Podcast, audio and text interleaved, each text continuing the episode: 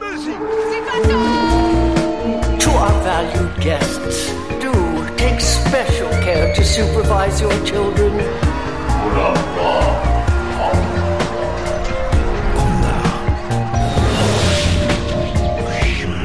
Het is weer ochtend in Pretparkland. Goedemorgen pretparkland en welkom bij je ochtendelijke pretpark podcast. Mijn naam is Erwin Taats en Thibaut Reynolds en ik zijn vanochtend in het Sprookjesbos van de Efteling.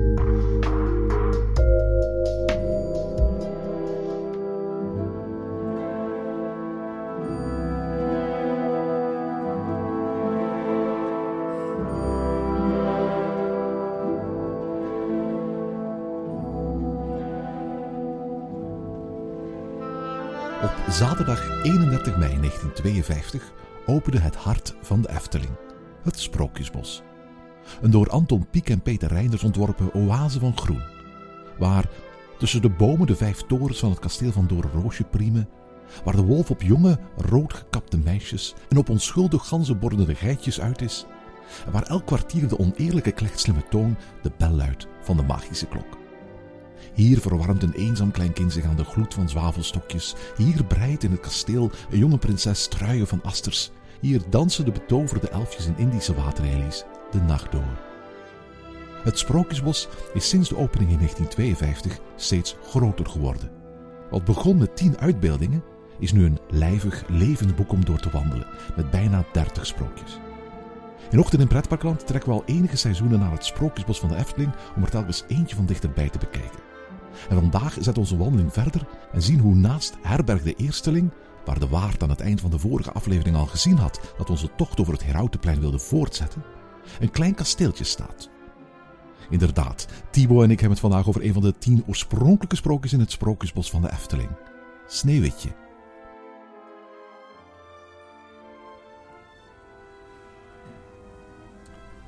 Goedemorgen Thibaut. Een hele goede morgen, Erwin.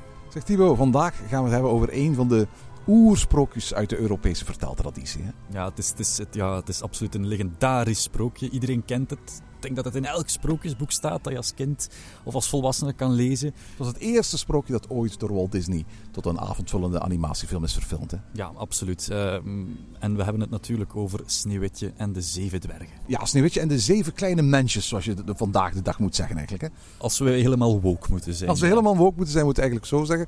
We gebruiken de naam dwergen hier als synoniem voor kabouters. En dat is ook het enige wat we mee bedoelen. En we gebruiken het ook omdat het woord in die context historisch is ontstaan. Maar we hebben het, we hebben het inderdaad over het sprookje Sneeuwwitje. Het verhaal van het sneeuwwitte prinsesje. Dat zo mooi was dat haar ontzettend mooie stiefmoeder er zo jaloers op werd. Dat toen ze ontdekte via haar toverspiegel dat zij de mooiste van het land was, de jager de opdracht gaf om haar te doden. De jager kon dat niet over zijn hart krijgen, besloot dan maar het meisje achter te laten in het bos, waarbij ze bij die kleine mannetjes terecht kwam.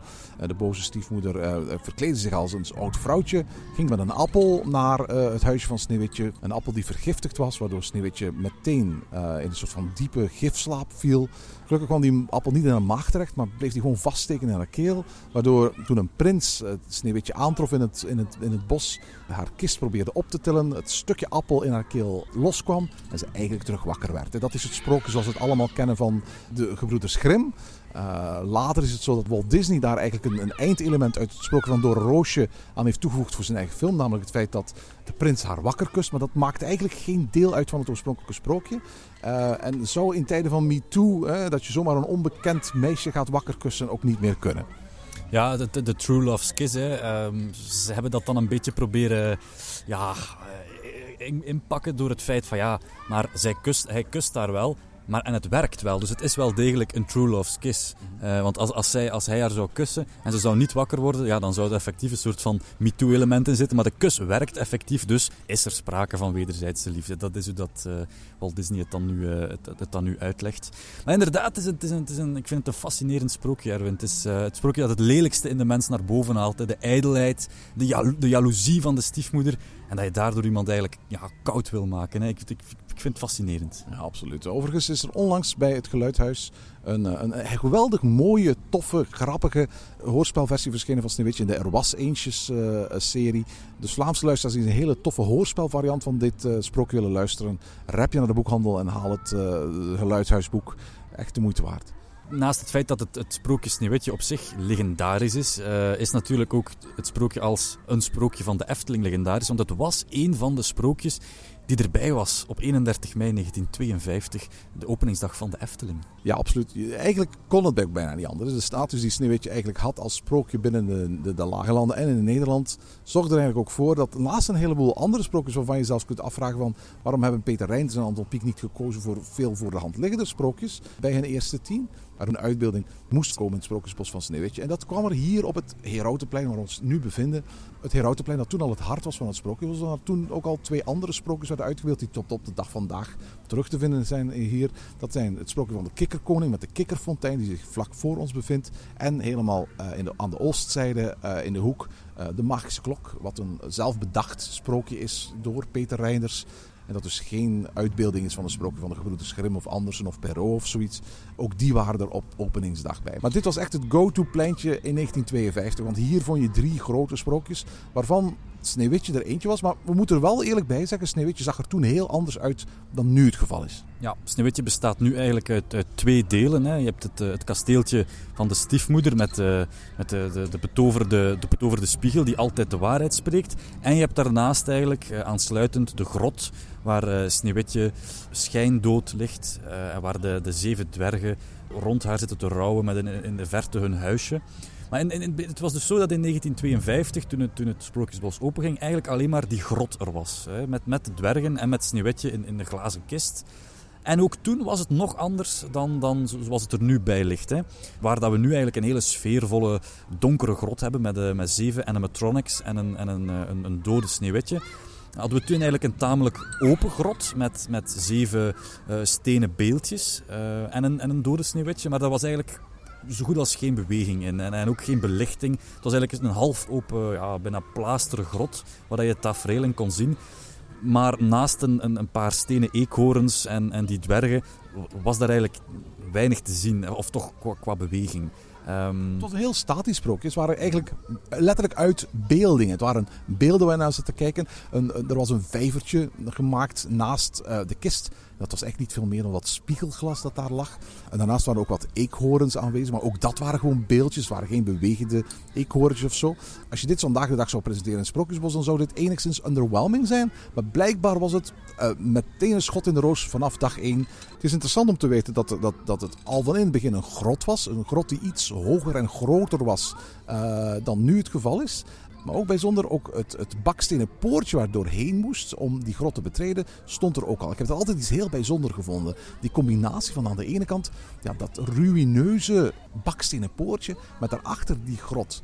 Je kunt niet 100% verklaren waarom daar een, een, een, een bakstenen poort als ingang tot de grot waar, waar de kist ligt gebouwd is. Het is bijna alsof men daar een soort van eerbetoon heeft laten maken vele eeuwen geleden. Dat grote delen van het eerbetoon uh, zijn, zijn, zijn verloren gaan. Je ziet ook dat de, de bakstenen gevel eigenlijk een, een, onderdeel maakt van een veel groter geheel. Je ziet zelfs een aantal ja, torentjes op de bovenkant staan. Je ziet een aantal nisjes die volledig zijn afgebrokkeld. Maar daarachter stap je letterlijk een, een grot. In het begin was dat een grot met stalactieten en stalagmieten. Vandaag is het een vrij rudimentaire grot. En dat heeft natuurlijk vooral te maken met het feit dat men alles uh, wat veiliger wil hebben. Dat je niet zomaar ergens je, je hoofd stoot uh, maar je moet denk ik nog altijd vrij goed bukken vandaag de dag om uh, de kist van Sneeuwwitje te, zien.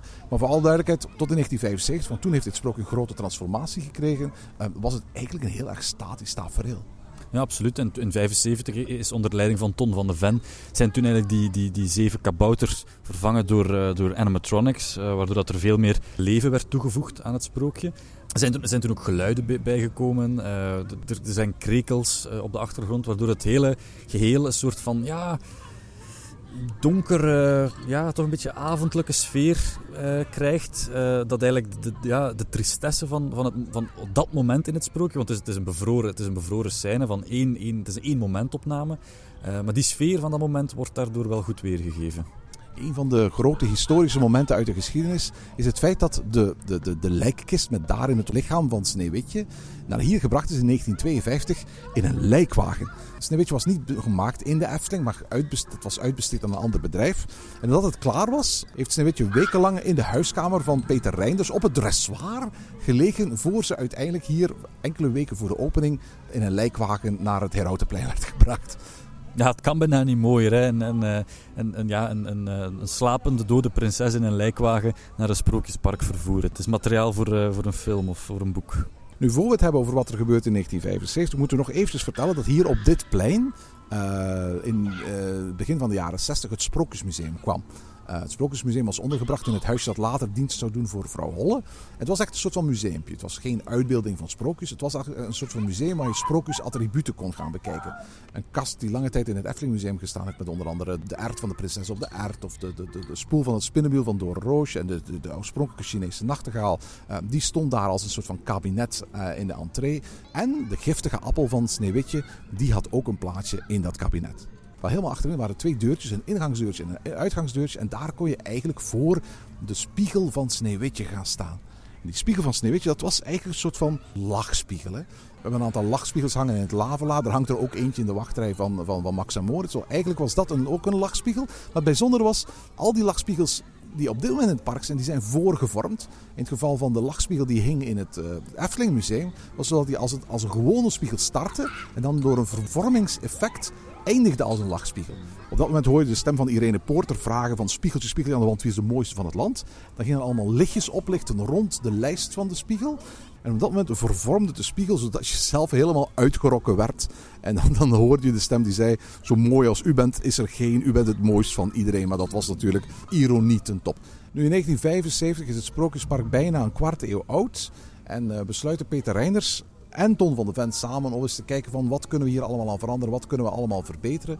En eigenlijk is het sprookje, is het sprookje van Sneeuwwitje een van de eerste sprookjes die worden aangepakt. En eigenlijk kan je zeggen met de grond helemaal gelijk gemaakt, maar het wordt wel behoorlijk veranderd. Eigenlijk tot min of meer de situatie zoals we die vandaag kennen hier. Ja, absoluut. De, animatronics die, dan, die toen zijn toegevoegd zijn heel gelijkaardig aan de, aan de figuren die ontworpen zijn door Anton Pieck, behalve dat ze, dat, ze, dat ze nu nog altijd bewegen natuurlijk. Um, en naast het feit dat het sprookje nog een, nog een grote opknapbeurt heeft gekregen een paar jaar geleden, ziet het er eigenlijk nog altijd nagenoeg hetzelfde uit als toen.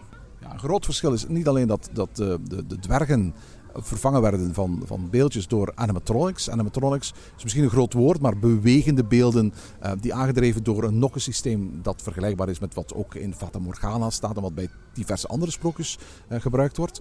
Maar tegelijkertijd waren ze ook realistisch. Ze kregen echte baarden, ze kregen echte kleren aan. Dat, die dingen waren vroeger gewoon ook allemaal uit steen gemaakt. En omdat het geheel ook donkerder werd gemaakt, was ook in één keer plaats en budget voor een showverlichting die ook meteen een soort van magische gloed konden geven aan het tafereel. Ja, inderdaad. Dat was in 1975. In 1999 kwam dan deze uitbreiding. We hebben het al verteld toen we het in onze vorige Sprookjesbos aflevering hadden over, over tafeltje dekje. Dit waren plannen die dateerden uit de jaren uh, 80. Die uiteindelijk in 1999 zijn uitgevoerd met de komst van de Winter Efteling. Men wilde het Herautenplein zoals het bestond afscheiden van de rest van de Efteling. En eigenlijk met name van het, de, de, de parkeerplaats die hier vlak achter ligt. Uh, omwille van de loofbomen waarmee dit plein omzoomd is, uh, die hun blad verliezen in de winter, was het zo dat je echt een enorme uitkijk had op die parkeerplaats. En dat was geen probleem in de zomer, uh, maar dat was wel een probleem als je hier ook winters gasten zou toelaten. En daarom werd besloten om de oude plannen voor Eerstjestrek en Sneeuwwitje, die ooit bedacht waren in de jaren 80 door Henny Knoet, om die opnieuw op te vissen en die te realiseren voor het seizoen 1999. En daardoor verschenen aan de westzijde van het Gerautenplein twee gebouwtjes vlak naast elkaar. Die heel erg goed qua vorm en structuur op elkaar lijken. Aan de ene kant uh, herberg de Eersteling. En daar vlak naast het kasteeltje van de stiefmoeder van Sneeuwwitje. Wat heel belangrijk, dit is niet ja, echt het kasteeltje van Sneeuwwitje natuurlijk. Het is echt het kasteeltje van, van de stiefmoeder van Sneeuwwitje. Sneeuwwitje woonde uiteraard bij haar stiefmoeder in. Maar eigenlijk als je hier binnenkomt, kom je eigenlijk in een soort van leeg kasteeltje met alleen maar de spiegel. Het is eigenlijk een heel groot vertrek waar alleen maar als het ware de spiegel een plaats in heeft gekregen. En Sneeuwwitje zelf krijg je pas te zien in de grot ernaast. Ja, inderdaad. Um, en, en zoals we eigenlijk in de vorige aflevering ook vertelden over de herberg, is het ook zo, dus, hè, zoals uit het, uit, het sprookjes, uh, uit het Sprookjesmuseum, de knuppel was daar al eerder te vinden, is dan verhuisd naar die herberg. En de spiegel is hier ook terechtgekomen. En opnieuw, het zijn twee sprookjes ontworpen door Henny Knoet, de, de, de herberg en Sneeuwwitje. Maar ze zijn wel heel schatplichtig aan die twee elementen die al eerder waren vormgegeven door Anton Pieck. Hè. Zowel de knuppel als um, de, de, de spiegel zijn heel erg trouw aan, aan, aan de tekeningen van Anton Pieck. De spiegel met de, de gouden kader, waar uiteindelijk, waar uiteindelijk ook zeg maar, de, de geest, het, pratende hoofd van de spiegel in verwerkt zit. Die twee sprookjes brengen elementen eigenlijk samen die al eerder uh, in, in het park aanwezig waren, maar dan uh, maar los van elkaar dan. Ja, absoluut. Het is niet zo dat de spiegel uit het, het Efteling Museum verplaatst is naar hier. Vooral duidelijk, die was een stuk kleiner van formaat. En werd ook geflankeerd door twee mannetjes die nu in het decor van de gelachkamer in het Efteling Hotel terug te vinden zijn. Hij heeft een veel barokkere versie van die spiegel uitgewerkt met bladgoud versieren en heel veel ornamentjes. En ook met een aantal uh, nogal uh, lugubere uh, extra dingen, zoals een aantal slangen die erin verwerkt zijn. Om als het ware het negatieve van de spiegel te verwerken. Het, hij lijkt er absoluut op, maar het is niet dezelfde spiegel die hier ooit in het Efteling Museum hing. Nee, klopt. En het, het, gezicht is ook veel, veel karakteristieker. Het is veel demonischer. Het is een beetje, ja, het is een beetje een valse spiegel toch wel. De spiegel die nu in het kasteeltje hangt, dat is echt een soort van animatronic. Die heeft ook een gelaat die spreekt. Uh, dat was niet het geval met de spiegel die vroeger in het Efteling Museum hing. Dat was gewoon een statische spiegel, waar eigenlijk alleen maar het spiegeloppervlak van bewoog om als het ware die transformatie teweeg te brengen. Mm klopt. Eigenlijk geeft de komst van dit sprookje ook de, de, de, de sluiting van het, het Sprookjesmuseum voor een groot stuk bewerkstelligd hoor. Uh, je snapt dat toen de, de spiegel hier in het, in het, in het kasteeltje van de stiefmoeder van Sneeuwwitje verscheen in 1999, dat er geen reden meer was om hier op enkele luttele meters vandaan een tweede spiegel te hebben staan. Dus wat hebben ze toen gedaan? Het Sprookjesmuseum bleef gewoon open, maar de, de, de, de toegangspoorten tot, tot de eigenlijke spiegel, die werden afgesloten. Men had ook de knuppel uit de zak weggehaald, want die hing hier een paar meter verder in het uh, entreeportaal van uh, Herberg de Eersteling. Dus ook die was verwijderd. Dus eigenlijk stelde dat hele Sprookjesmuseum niet zo gek veel voor. In, in, in 1999 was het Sprookjesmuseum wel nog open, uh, maar zonder de knuppel en zonder de spiegel had het eigenlijk wel zijn twee meest spectaculaire elementen verloren. Uh, er hing nog een lege kleerhanger met uh, de, onzichtbare kleren van de keizer, maar veel meer dan dat was er ook niet. En een jaartje later werd dan ook um, um, eigenlijk voor altijd dat Sprookjesmuseum gesloten, om dan aan de achterzijde vele jaren later te heropenen als het huisje van Vrouw Holle. Ja.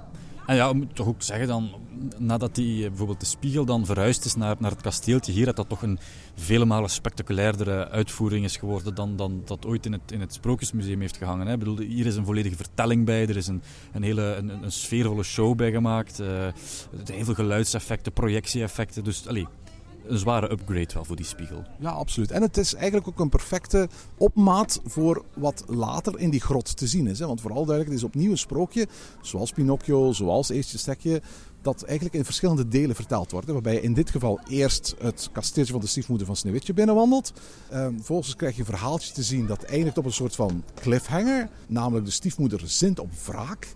En als je dan naar buiten wandelt en het, de grot van Sneeuwwitje binnenwandelt, zie je daar eigenlijk de voltooiing van haar wraak. Ze heeft Sneeuwwitje vergiftigd. En daar blijft ze tot in lengte van dagen zo liggen. Want um, ja, het einde wordt natuurlijk nergens verteld in het, uh, in, in, het Sprookjesbos. Ik vind het op zich wel fijn eigenlijk. Dat, dat, bedoel, het, is, het, is, het is een beetje een macabere uitvoering op dat vlak. Omdat je, eigenlijk, je krijgt geen resolutie.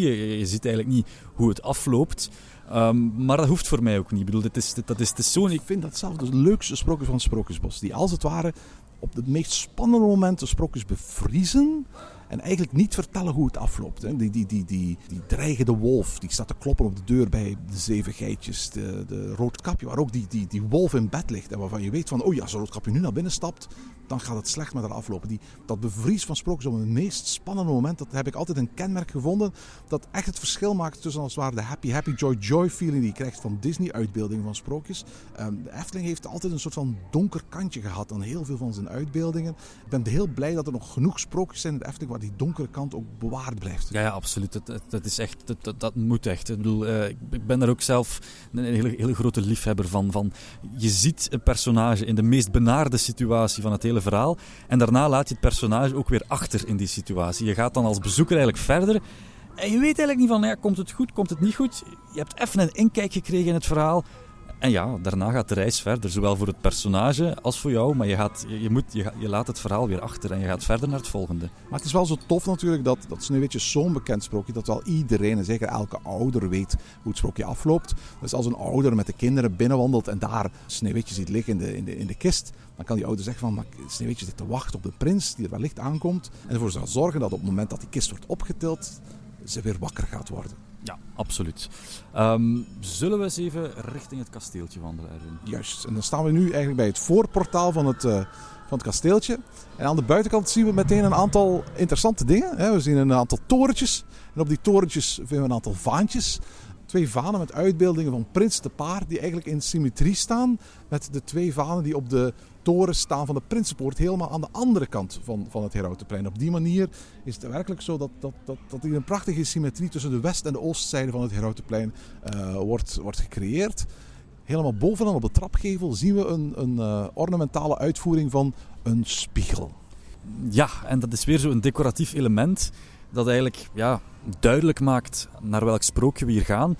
Maar ja, ik weet niet of ik als, uh, als stiefmoeder een, uh, of als, als koningin een spiegel op mijn, uh, op mijn, op mijn trapgevel zou zetten. Dus ja, is maar dit... Op zich is het niet onlogisch. Hè? Ik bedoel, ze heeft die spiegel. Ja. Op het, in het universum van het sprookje is het logischer dan het schildje dat vlak boven de entreepoort hangt, waar een vergiftigde appel met een beter uithangt daar trekt als het ware de uitbeeld van het sprookje uh, de narratieve incoherentie net nog een stapje verder. Ik bedoel, het is niet logisch dat we teruggaan in de tijd en daar zullen meewaken wat de stiefmoeder en Sneeuwwitje ooit live hebben meegemaakt. Want we op dat moment al zien dat er als het ware een soort van verwijzing naar hoe het sprookje verder gaat aflopen aanwezig is eigenlijk op de voorgevel van het kasteel. Ja, het is een beetje luie storytelling, hè? want het is het meest ja, gekende element uit het hele sprookje, hè, de vergiftigde appel. We zullen hem later nog tegenkomen. Er staat ook echt letterlijk die ja. vergiftigde appel helemaal aan het einde van dit kasteeltje. Absoluut, maar door zeg maar gewoon een, een, een soort wapenschild te ontwerpen met een beet uit die vergiftigde appel en dat op die voorgevel te, te zetten.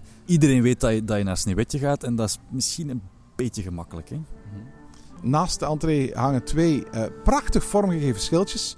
Uh, eentje waarop staat dat de spiegel elke twee minuten zal spreken.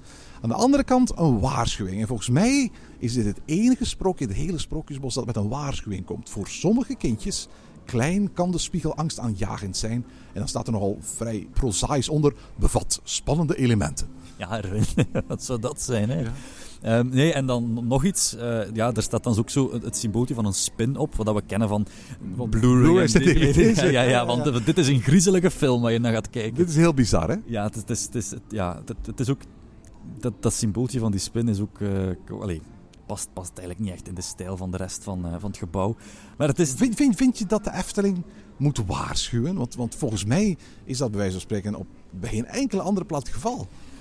Ik vind, heel persoonlijk vind ik van niet. Ik ben, ik ben een ontzettende liefhebber van, uh, van, van Roald Dahl en van, en van, uh, van, van de donkere Disney-films en van de donkere sprookjes. En ik vind ook absoluut dat kinderen die kant van verhalen mee moeten krijgen. En af en toe wel eens bang mogen zijn en, en af en toe wel eens mogen schrikken. Ik vind absoluut niet dat we kinderen moeten gaan overbeschermen door overal een soort van roze ploesje laag over te leggen, waardoor alles veilig en alles, alles safe en, en, en netjes is voor mij part hoeft dit niet. Nee, voor mij ook niet. En ik snap het wel hoor. Ik bedoel, toen het sprookje oorspronkelijk opende, had niemand gedacht dat de uitbeelding van, van de spiegel zo griezelig zou zijn. En laten we heel eerlijk zijn, de transformatie van de heks in de spiegel die we straks gaan zien, dat is een behoorlijk creepy uitbeelding. En aan de ene kant is het natuurlijk wel zo dat dat enigszins griezelig kan zijn. Maar je kunt altijd bij spreken dat overlaten aan de ouders om te bepalen als ze denken van mijn kind vindt dit te griezelig, uh, ik neem het mee. Maar dit is bijna al een soort van, je weet niet wat er gaat komen, je weet niet hoe griezelig het gaat zijn.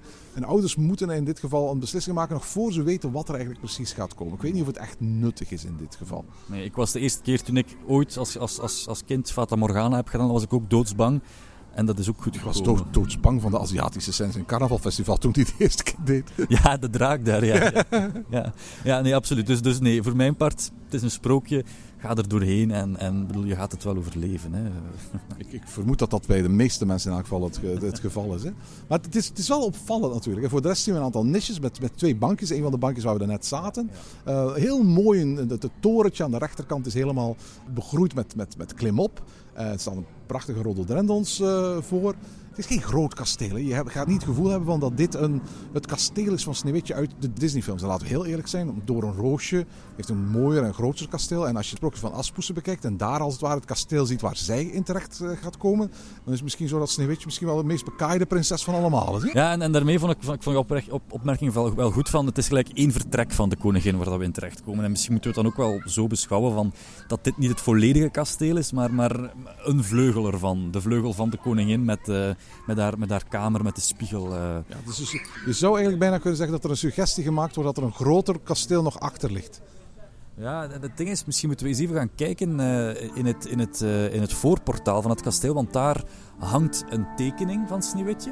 Um... En eigenlijk ook niet alleen een tekening van het Sneeuwwitje, maar je ziet daar eigenlijk ook ja, dit kasteeltje op. En los van een torentje of zo, is het toch wel dezelfde vorm als het kasteeltje dat we hier aantreffen. Hè? Ja, klopt. En uh, naast het feit dat dit het kasteeltje nog eens toont op een, op een soort illustratie, toont het ook nog eens de zeven dwergen. Maar eigenlijk ook hoe het verhaal dan toch afloopt. Hè? Want, uh... Zegt Thibaut. Ik heb het eventjes, dat ik het eventjes, dat het uit mij is. Ik moet het gezegd hebben. Onze luisteraars kunnen meteen weten. Dit is het lelijkst vormgegeven element in het hele Sprookjesbos. Uh, sorry, maar dit is, past stilistisch niet bij het Herautenplein. Niet bij de stijl van, van, van uh, Anton Pieck niet bij de stijl van de rest van het Herautenplein.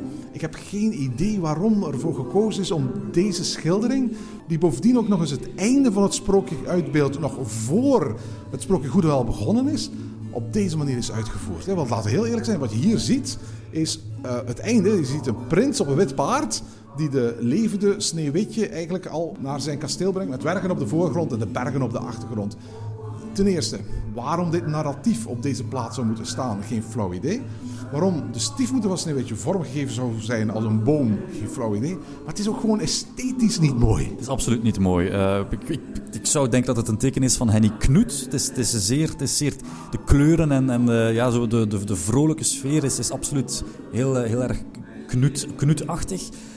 Plus ook het feit dat de prins bijna een blekere huid heeft dan Sneeuwwitje zelf. Is, ook dat, ja. Uh, houdt geen steek. Laat staan dat, voor alle duidelijkheid, ik ben de laatste om te mogen oordelen over uiterlijk. Hè. Maar laten we heel eerlijk zijn, als dit het mooiste meisje van het land is, dan is het wel echt een land met hele lelijke mensen. Hè. Ja, ja. ja, de mooiste laaf misschien dan of zo. Bovendien vinden we hier in de hoeken een ornament dat mij altijd een beetje heeft laten denken aan het masker van Scream. Ja, we hebben hier inderdaad in, in, het, in het portaal waar we nu staan, zijn er vier.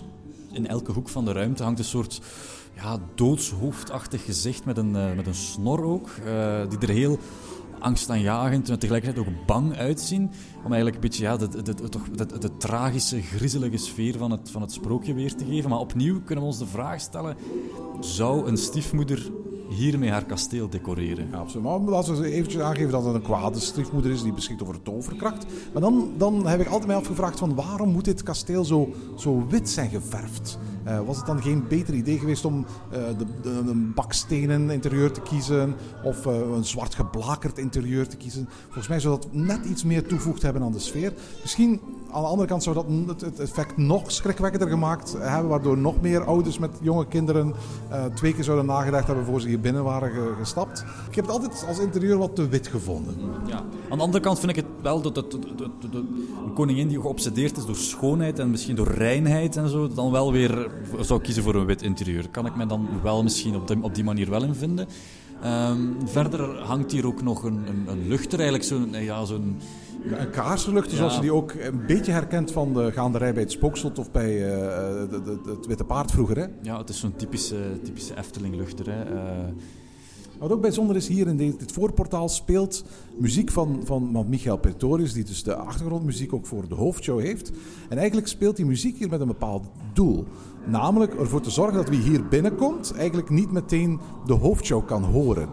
Ja, klopt. Hè. Dus de, de muziek speelt ook onder het verhaal, maar, maar hier, uh, het verhaal hoor je alleen in de, in de hoofdshow. En, en, en de stem is hier afwezig van de muziek. Maar je hoort dus wel de, de klavecymbalmuziek uh, van dus Michael Pretorius, waarvan de Efteling ook muziek gebruikt in, in Herberg de Ersteling. Dus die, die renaissance muziek zo, uh, komt eigenlijk van, het, van, het, van, dezelfde, van dezelfde componist uit die, uit die tijd, 17e eeuw. Um, zowel in de herberg te horen als, als dus ook grappig genoeg hier in, in het kasteeltje. Ja, absoluut. Er staat ook een grote kist. En daar zit een bedieningspaneel waar men uh, dit deel van het Sprookjesbos mee kan aan- en uitschakelen. Daarom staat dit hier natuurlijk. Hè. Ah, oké, dat wist ik niet. Alright, we gaan eens het uh, eigenlijke um, showgegeven binnenwandelen.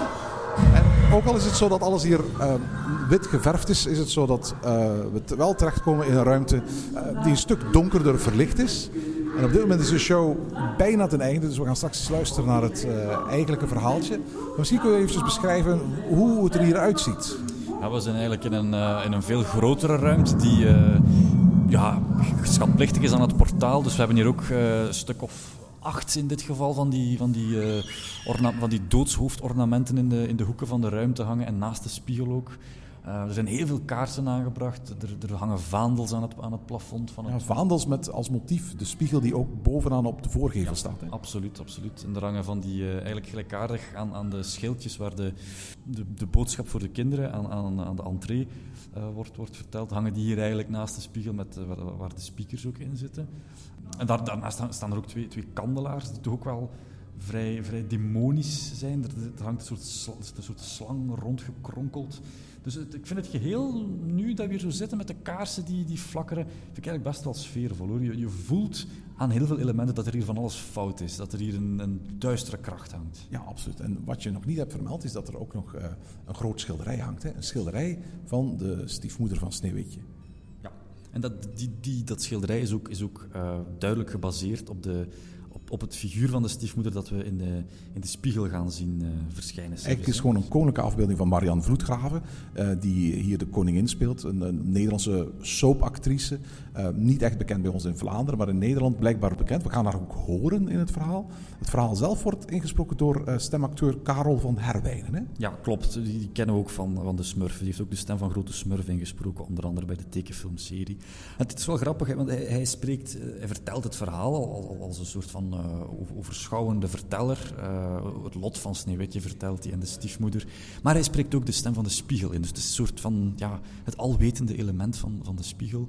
Uh, combineert hij dan met eigenlijk het, de, de, de, de, verteller van het, van het verhaal zelf. En ondertussen zijn er mensen binnengekomen. En dat betekent ook dat het sprookje hier gaat beginnen, de muziek begint speelt. En we horen Karel van Herwijnen eigenlijk het verhaal vertellen. Het verhaal duurde oorspronkelijk in 1999, een stuk langer dan nu. Uh, maar omdat men eigenlijk wel snel door had dat het echt te lang duurde, dat mensen niet het geduld hadden om zo lang te wachten, uh, hebben ze uiteindelijk besloten om het verhaal in te korten. En met goede redenen. Ik vind het eigenlijk nog altijd een vrij lijvige vertelling hoor. ik, ik, nu moeten we weer kijken, er lopen mensen voorbij en, en ze, ze horen de vertelling, maar er zijn eigenlijk weinig bezoekers die volgens mij de hele vertelling en de hele show uitzetten. Weet je, zeker als je nu binnenkomt, er zijn nu twee groepen van bezoekers binnengekomen terwijl we hier zitten. De eerste pakweg halve minuut, minuut van het sprookje gebeurt er eigenlijk niks. Hè? Het enige wat je hoort is het verhaal. En ik kan me voorstellen dat je dan de indruk hebt van, we wandelen hier gewoon een kasteel in. Er hangt toevallig een schilderij aan de muur.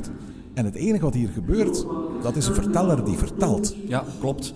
Um, en nu, nu zien we eigenlijk ook nog een ander element dat het, dat het zo wat donker magisch maakt, is dat er in de, in de kandelaars, waar dus die, die slang rond zit, dat daar ook spots in verstopt zitten. Die dus ook zorgen voor een, een soort van groene gloed, een giftige gloed op het, op het plafond. En dat zorgt ook voor een soort ja, ongemakkelijke sfeer. En dan het, gefluister dat hier ook door, door de ruimte zich, zich voorbeweegt als een soort geesten van het kasteel. Uh, dan, dan, uh, dan, dan slaat de sfeer, de sfeer slaat hier nu toch wel heel snel om. Ik moet zeggen dat ik de soundscape hier altijd ontzettend mooi vind. Het is echt een surround sound geluid, waarbij bijvoorbeeld echt gewoon gefluister van Sneeuwwitje ook door de speakers kunt horen op momenten dat wij spreken het verhaal aan de voorkant verteld wordt. Het is ongelooflijk. Hè? Op het moment dat dus de, de, de, de koningin in de spiegel verschijnt en vraagt, spiegeltje, spiegeltje, wie is de mooiste van het land, hoor je eigenlijk al doorheen de ruimte zo geest, spookachtige stemmen die eigenlijk al fluisteren aan Sneeuwwitje is de mooiste van het land. Daar moet je echt eens op letten er zijn eigenlijk stemmen die al het antwoord op die vraag geven als je, als je goed luistert. Er, er waren hier geesten rond in het, in het kasteel, toch wel. Uh, het is een, een, een, projectie, het is geen LCD-scherm of iets dergelijks, maar er staat achter de spiegel gewoon een, een, een projector. En die projecteert eigenlijk gewoon beelden die oorspronkelijk op pellicule zijn geschoten in heel hoge resolutie op het scherm. en er is een klein techniekje gemaakt dat ervoor zorgt dat men niet telkens die projector aan en uit moest zetten, maar dat eigenlijk die projector de hele dag blijft projecteren, maar dat het licht verdwijnt op het moment of onzichtbaar is op het moment dat, het, dat er niks op de spiegel te zien hoort te zijn. En ondertussen zijn we, zijn we aangebroken bij het, het, het meest angstaanjagende moment van, uh, van, van het hele sprookje. Hè. Dus, uh, voilà, de, de koningin is, is getransformeerd in de spiegel van eigenlijk haar, haar, haar beeldige zelf naar eigenlijk een, afschuwelijk lelijke heks die dan haar hand op de spiegel legt en dan eigenlijk de spiegel tot barsten brengt met een, met een hele grote basklank al tot gevolg, wat, wat natuurlijk voor, natuurlijk heel veel, eh, heel veel indruk maakt, zeker op, eh, op kleinere kinderen. Ja, de transformatie, zoiets zou je vandaag doen helemaal in CGI, maar in 1999 was dat geen optie. En in een interview vertelde eh, Dennis Bots hoe eigenlijk dit letterlijk bij spreken heel erg houtje touwtje, stap voor stap is gemaakt. Waarbij eigenlijk die, die, die verschillende beelden over elkaar heen konden worden gelegd. Waarbij eigenlijk de, de, de actrice pointers gebruikt van waar haar hand op welk moment moest houden. Zodat eigenlijk die verschillende transformaties perfect op elkaar aansloten. Ik moet eerlijk toegeven, tot voor ik dat interview hoorde met Dennis Bots, dacht ik echt dat dit een, een, een voor een groot stuk CGI-effecten waren. Nee, het, is, het, is, het, is, zeer mooi gedaan. En ook de make-up van, uh, van de transformatie en hoe dat ze dan uiteindelijk als, als die oude lelijke heks daar tevoorschijn komt, zeer, zeer, zeer fijn gedaan. Ja, en ook heel tof, op een bepaald moment, uh, wanneer de, de, de, de, de stiefmoeder aan het, aan het, woord is, gaat het raampje helemaal bovenaan in het spiegelportaal open. En dan, dan, komt er ook een soort van koude lucht binnen. Ja. Het verspreidt ook een geur in dit gebouwtje, maar vooral die lucht zorgt voor een soort van bijna angstaanjagende, kille sfeer. Ja, ja, en de vaandels gaan dan ook wapperen en, en er is dan ook de, het eindigt dan ook met een, een onweer. Ja, en dan heb je, zo, heb je, het gevoel van oké, nu, moeten, nu moeten we weer verder. Zo. Dit, hoofdstuk is afgesloten. Het eindigt, ja, eindigt in, in mineur, zeg maar. De, de, de, de Sneeuwwitje gaat er, uh, ja, gaat er niet goed van afkomen. Wat vind je eigenlijk van het feit dat hier zo'n nieuwerwetse techniek als een projectie gebruikt wordt? Want als je het Sprookjesbos afwandelt, je begint bij Doornroosje en je eindigt hier, dan is dit wel de meest tussen aanhalingstekens moderne techniek. Een, live beelden. Iets wat we in het Sprookjesbos alleen nog maar meemaken, een beetje verderop bij het meisje met de zwavelstokjes, dat je dat, je dat ziet. Ja, nee, ik bedoel, dat moet absoluut kunnen. Hè. Hoe, hoe, hoezeer dat ik ook uh, hou van, van die, die ouderwetse sfeer, van, van, van de sfeer van kastelen, van herbergen en zo. Ik vind, om een verhaal te vertellen, moet je gewoon ook, ook hedendaagse technieken gebruiken. Hè. Uh, dat, kan, dat kan digitaal zijn, maar dat kan ook, kan ook met LED zijn of, of bepaalde nieuwe bewegingstechnieken of zo. Technologie mag nooit het, het, moet het verhaal vooruit helpen, het mag het verhaal niet in de weg staan. En daardoor, als je een, een, een verhaal in een oude sfeer wilt vertellen gebruik dan wel moderne techniek. Ik bedoel, het komt het verhaal alleen maar ten goede meestal. Hè? Uiteindelijk is dat ook wat Peter Reinders voor een heel groot stuk deed. Ik bedoel, heel veel technieken die in de jaren 50 en 60 gebruikt werden door de Efteling in het verhaal, vertellen van hun verhalen, dat waren op dat moment ook de laatste nieuwe technieken. Dat was ook op dat moment heel erg modern. Dus op zich is het niet onlogisch dat de Efteling zich, ook hier in het Sprookjesbos, gaat, gaat beroepen op heel moderne technieken. En hoewel ik in het begin een beetje wantrouwig was tegenover het feit dat hier uh, projectie-effecten werden gebruikt, los van het feit dat ik heel graag eens een veel scherpere versie zou kunnen zien, maar ik denk dat het nu nog te veel lijkt op een oude televisie. En dat dat technische euvel er eigenlijk voor zorgt dat de realiteitswaarde van de spiegel juist omlaag wordt gehaald vind ik het prima dat de Efteling dit gebruikt. Mm -hmm. Ja, absoluut. En het verdient misschien wel eens een upgrade, maar ga voluit voor, die, voor nieuwe technologie om, om, uh, om sfeer, om, om verhaal, om, uh, om ja, personages tot leven te brengen, absoluut. Alright, we gaan eens verder wandelen en dan gaan we eigenlijk naar het tweede deel van het, uh, van het sprookje.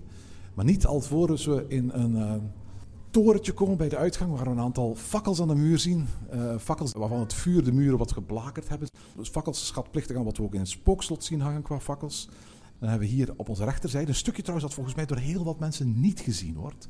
Maar je moet echt rechts achterom kijken om het goed te zien. Een, een soort van wenteltrap. En bovenop die wenteltrap zie je een mandje met appels. Met één appel die er nogal omineus onder ligt.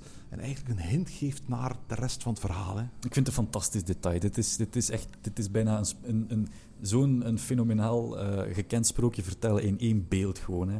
Een, uh, een, een, mand met appels waar dan één rode appel uh, uit is gevallen. Ik vind, ik vind het een ongelooflijk mooi detail. Dit, dit zegt zoveel. En nog een detail dat door heel veel mensen ge, ge, gemist wordt. Kijk, zeker eens boven, dan zie je dat daar een kraai dit omineuze tafereel zit te begluren. Ja, en een kraai, zwarte vogels, dat is het teken van, van onheil. Hè. Dus uh, alleen maar terecht. Ja, en kraai komen natuurlijk ook elders in het Sprookjesbos voor. Dus op dat moment is het ook weer zo'n element een little litany, zoals het in het Engels vaak wordt genoemd. Dat als het ware een verbindend element is tussen dit sprookje en dan weer andere sprookjes. En eigenlijk is het dan maar een hele kleine stap, letterlijk een meter of drie, voor je van het kasteeltje van de stiefmoeder van Sneeuwwitje eigenlijk de grot van Sneeuwwitje binnenwandelt. Ondertussen vind je hier aan de rechterkant uh, het boek, het sprookjesboek met het verhaal van uh, Sneeuwwitje in vier talen. Alsof dat nog nodig is, laten we het zo zeggen. Hè? Ja, inderdaad. Ja. Uh... Het zou ook raar zijn mochten ze het niet doen bij dit sprookje, maar bij alle andere sprookjes wel. Maar goed, je komt het hier tegen. Ja. Nu, uh, hebben, je hebt er straks een beetje verteld over zo de, de, de, de ja, mysterieuze bakstenen die eigenlijk de grot omringen. eigenlijk als we goed kijken, zien we eigenlijk dat het dezelfde bakstenen zijn als waar het kasteeltje is Juist, opgebouwd. absoluut. En eigenlijk ook gelijkaardige bakstenen als waar ook de Prinsenpoort aan de andere kant van, van het Herautenplein uit is opgebouwd. Hè? Ja, het is alsof hier ooit een, een soort ja, middeleeuwse stad heeft gestaan, een sprookjesstad, eh, waar bepaalde dingen van zijn blijven bestaan. En bijvoorbeeld waar dan, waar dan die grot ook is uit ontstaan. Hè? Want eh, zie je, als je goed kijkt, zie je dat de muur die, waar eigenlijk de grot uit ontstaat, eigenlijk volledig doorloopt tot net achter die grote toren van het, van het, eh, het kasteel van de stiefmoeder. En dan van daaruit eigenlijk vertrekt richting, richting de grot. En ook de, de, de vorm van het portaal van de grot is eigenlijk nagenoeg identiek aan de, aan de vormen van de, van de portalen in, in het kasteeltje. Ja. En bovenop dit grottenstelsel vinden we in dezelfde bakstenen eh, uiteraard ook nog een grote toren. Een, een grote afbrokkelende toren die vooral van iets verder te zien is. Die eigenlijk een verwijzing is naar het sprookje waar we het in onze volgende aflevering over zullen hebben. Hè? Ja, het het bruidskleed van Genoveva. Ja, absoluut. Maar laten we nu eerst eventjes het eh, laatste deel van het sprookje van het Sneeuwwitje binnenwandelen. Eh, en dan komen we in de grot. Waarvan die eh, nachtelijke... Het is een nachtelijk tafereel, dus je hoort ook nachtelijke krekels. Als je heel goed luistert, dat hebben ze er ook een jaar of twintig geleden aan toegevoegd, dat was vroeger niet, hoor je ook de snikkende kabouters op de achtergrond. Dat is een heel tof geluidseffect. Absoluut. En de geluiden zijn ook nagenoeg identiek aan de geluiden die bij het kasteel van Doornroosje zijn eh, Klopt, te ja. horen. Ja, ja, ja. Ook, ja dit- ook opnieuw weer een Little Litany, een verbindend element tussen twee sprookjes waar ja, een slapende prinses uiteindelijk een belangrijke rol speelt. Hè. Het zijn hele mooie figuren eigenlijk wel, hè, die kabouters. En, en, We en, kijken nu achter een glazen plaat, een glazen plaat die nou, niet altijd even mooi is, want daar, in de loop van zo'n dag passeren daar honderden kindjes en gaan daar honderden kinderhandjes overheen staan. Dus hier, als het, als het goed gedaan wordt, moet er toch al af en toe zijn medewerker passeren in de loop van de dag om er met een zeemvel die, eh, die, die, die glazen platen eh, mooi eh, te maken. ja, maar daarnaast, ja, zeker met de, de, de, de vernieuwde, de vernieuwde belichting, heeft, het, heeft het echt een soort van verstild, het is bijna een verstild schilderij of zo, dat tegelijkertijd toch leeft. En wat, wat ook opvallend is om eventjes te vermelden, we zijn hier niet alleen in die grot. Hier zijn ook andere mensen op dit moment in. Wat, wat opvalt, is hoe iedereen hier binnenkomt in een soort van plechtige sfeer. Een sfeer van eh, ingehouden tristesse. Ja, alsof dat we allemaal zo die, eh, ja, die, die, die, die bekende prinses eh, een laatste groet komen brengen. En Ja, dat is het eh, echt, hè? Ja. ja. Ik zie mensen hier echt aan die vensters staan kijken. Ze zien die, eh, die, die dwergen, hun, hun neus snotten aan die veel te grote zakdoeken. Eh, ze zien die, die kaarsen in de verte bewegen. Ze zien ook het huisje van de dwergen dat in dat diorama helemaal aan het einde is uitgebeeld. En dat is ook zo fijn aan een, aan een, aan een verstild sprookje. Je kan ook letterlijk je steun komen betuigen aan, aan, eh, aan de dwergen en aan Sneeuwwitje, want dit is ook het enige wat hier te zien is. Het is niet dat er een, een, show is of zo, en daardoor is het ook alsof je ja, echt in dat moment terechtkomt. En daardoor verstilt iedereen ook zo. Hè? Ja, absoluut. Ook heel tof vind ik hier dat ervoor gekozen is om geen muziek te spelen. Ik bedoel, het is, het is vaak een hele makkelijke keuze om muziek op de achtergrond te zetten, omdat je daarmee werkelijk mensen duwt in een bepaalde emotionele richting. Dat doet de Efteling niet. Eh, hier hoor je wel de geluidseffecten en de muziek van ja, de, de, de, de, de magische klok. Je hoort van de, de knallen van de, van de spiegel hiernaast. Maar voor de rest hoor je hier vooral de nachtelijke geluiden, de dwerggeluiden, de vogels, de krekels eh, van het tafereel. Het is een, het is een plaatje. Dit is echt een, een, een Efteling klassieker. Dit. Ja, ja het, het ook aan, aan het gezicht van Sneeuwwitje. Het is zo'n heel sober, vrij gezichtje, zoals, eh, zoals heel veel van de gezichtjes van, van Anton Pieck. Ze straalt, zo, ze straalt zekere rust uit en een zekere onschuld. En ze, ze ligt daar echt, echt bevroren. Zo, hè. Haar kleed is gelijk een soort... Is, haar kleed is gelijk bijna zelf van sneeuw, hè, door zo de, Ja, ja, ja. de, de blauwe belichting. eh, het, het, het heeft iets heel, iets heel donkerverigs. Absoluut. Het is eigenlijk zonde dat, dat, dat veel mensen hier zo snel doorheen wandelen. Terwijl dit echt een iconisch beeld is. Terwijl ze zonder probleem een uur in de rij gaan staan voor ergens een achtbaan in, in, in, in de rest van het park. Eh, maar dit is, dit is Eftelings weer ten toppen. Ja, het is om stil van te worden. Het is om stil van te worden. En een, een, een, een, gewijde stilte. Ja. En ja, goed, hoe lang ze hier nog blijft liggen. ehm, bij, bij Doornroosje kunnen we aftellen natuurlijk, want dat weten we dat dat al 100 jaar gebeurt. Hier is het een beetje wachten tot die, die prins ooit langskomt. Maar volgens mij gaat het nog heel lang wachten zijn.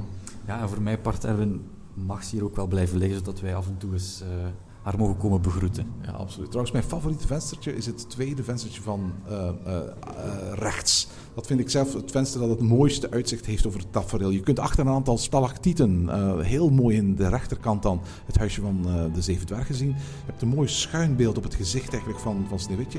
Je ziet ook alle dwergen in één tafereel. Je ziet ook de lampjes heel goed iets vasthouden. En het licht komt volledig van boven in dit tafereel. Ik vind, het, vind, dat, die, dat, dat, tweede raam aan de rechterkant, dat is het raam om, om dit tafereel te bekijken. Absoluut, ben het ermee eens. En daarmee zijn we aan het einde gekomen van dit sprookje. En dat betekent dat we de volgende keer een heel ander sprookje weer gaan behandelen. Hè? Maar dat, lieve luisteraars, dat is weer een ander verhaal. en tot zover deze aflevering van Ochtend in Pretparkland. Volg ons via het Pretparkland op Twitter, Instagram en Facebook of mail naar ochtend.pretparkland.be. Ochtend in Pretparkland is de pretparkpodcast voor vroege vogels. Bedankt voor het luisteren en maak er een fijne dag van.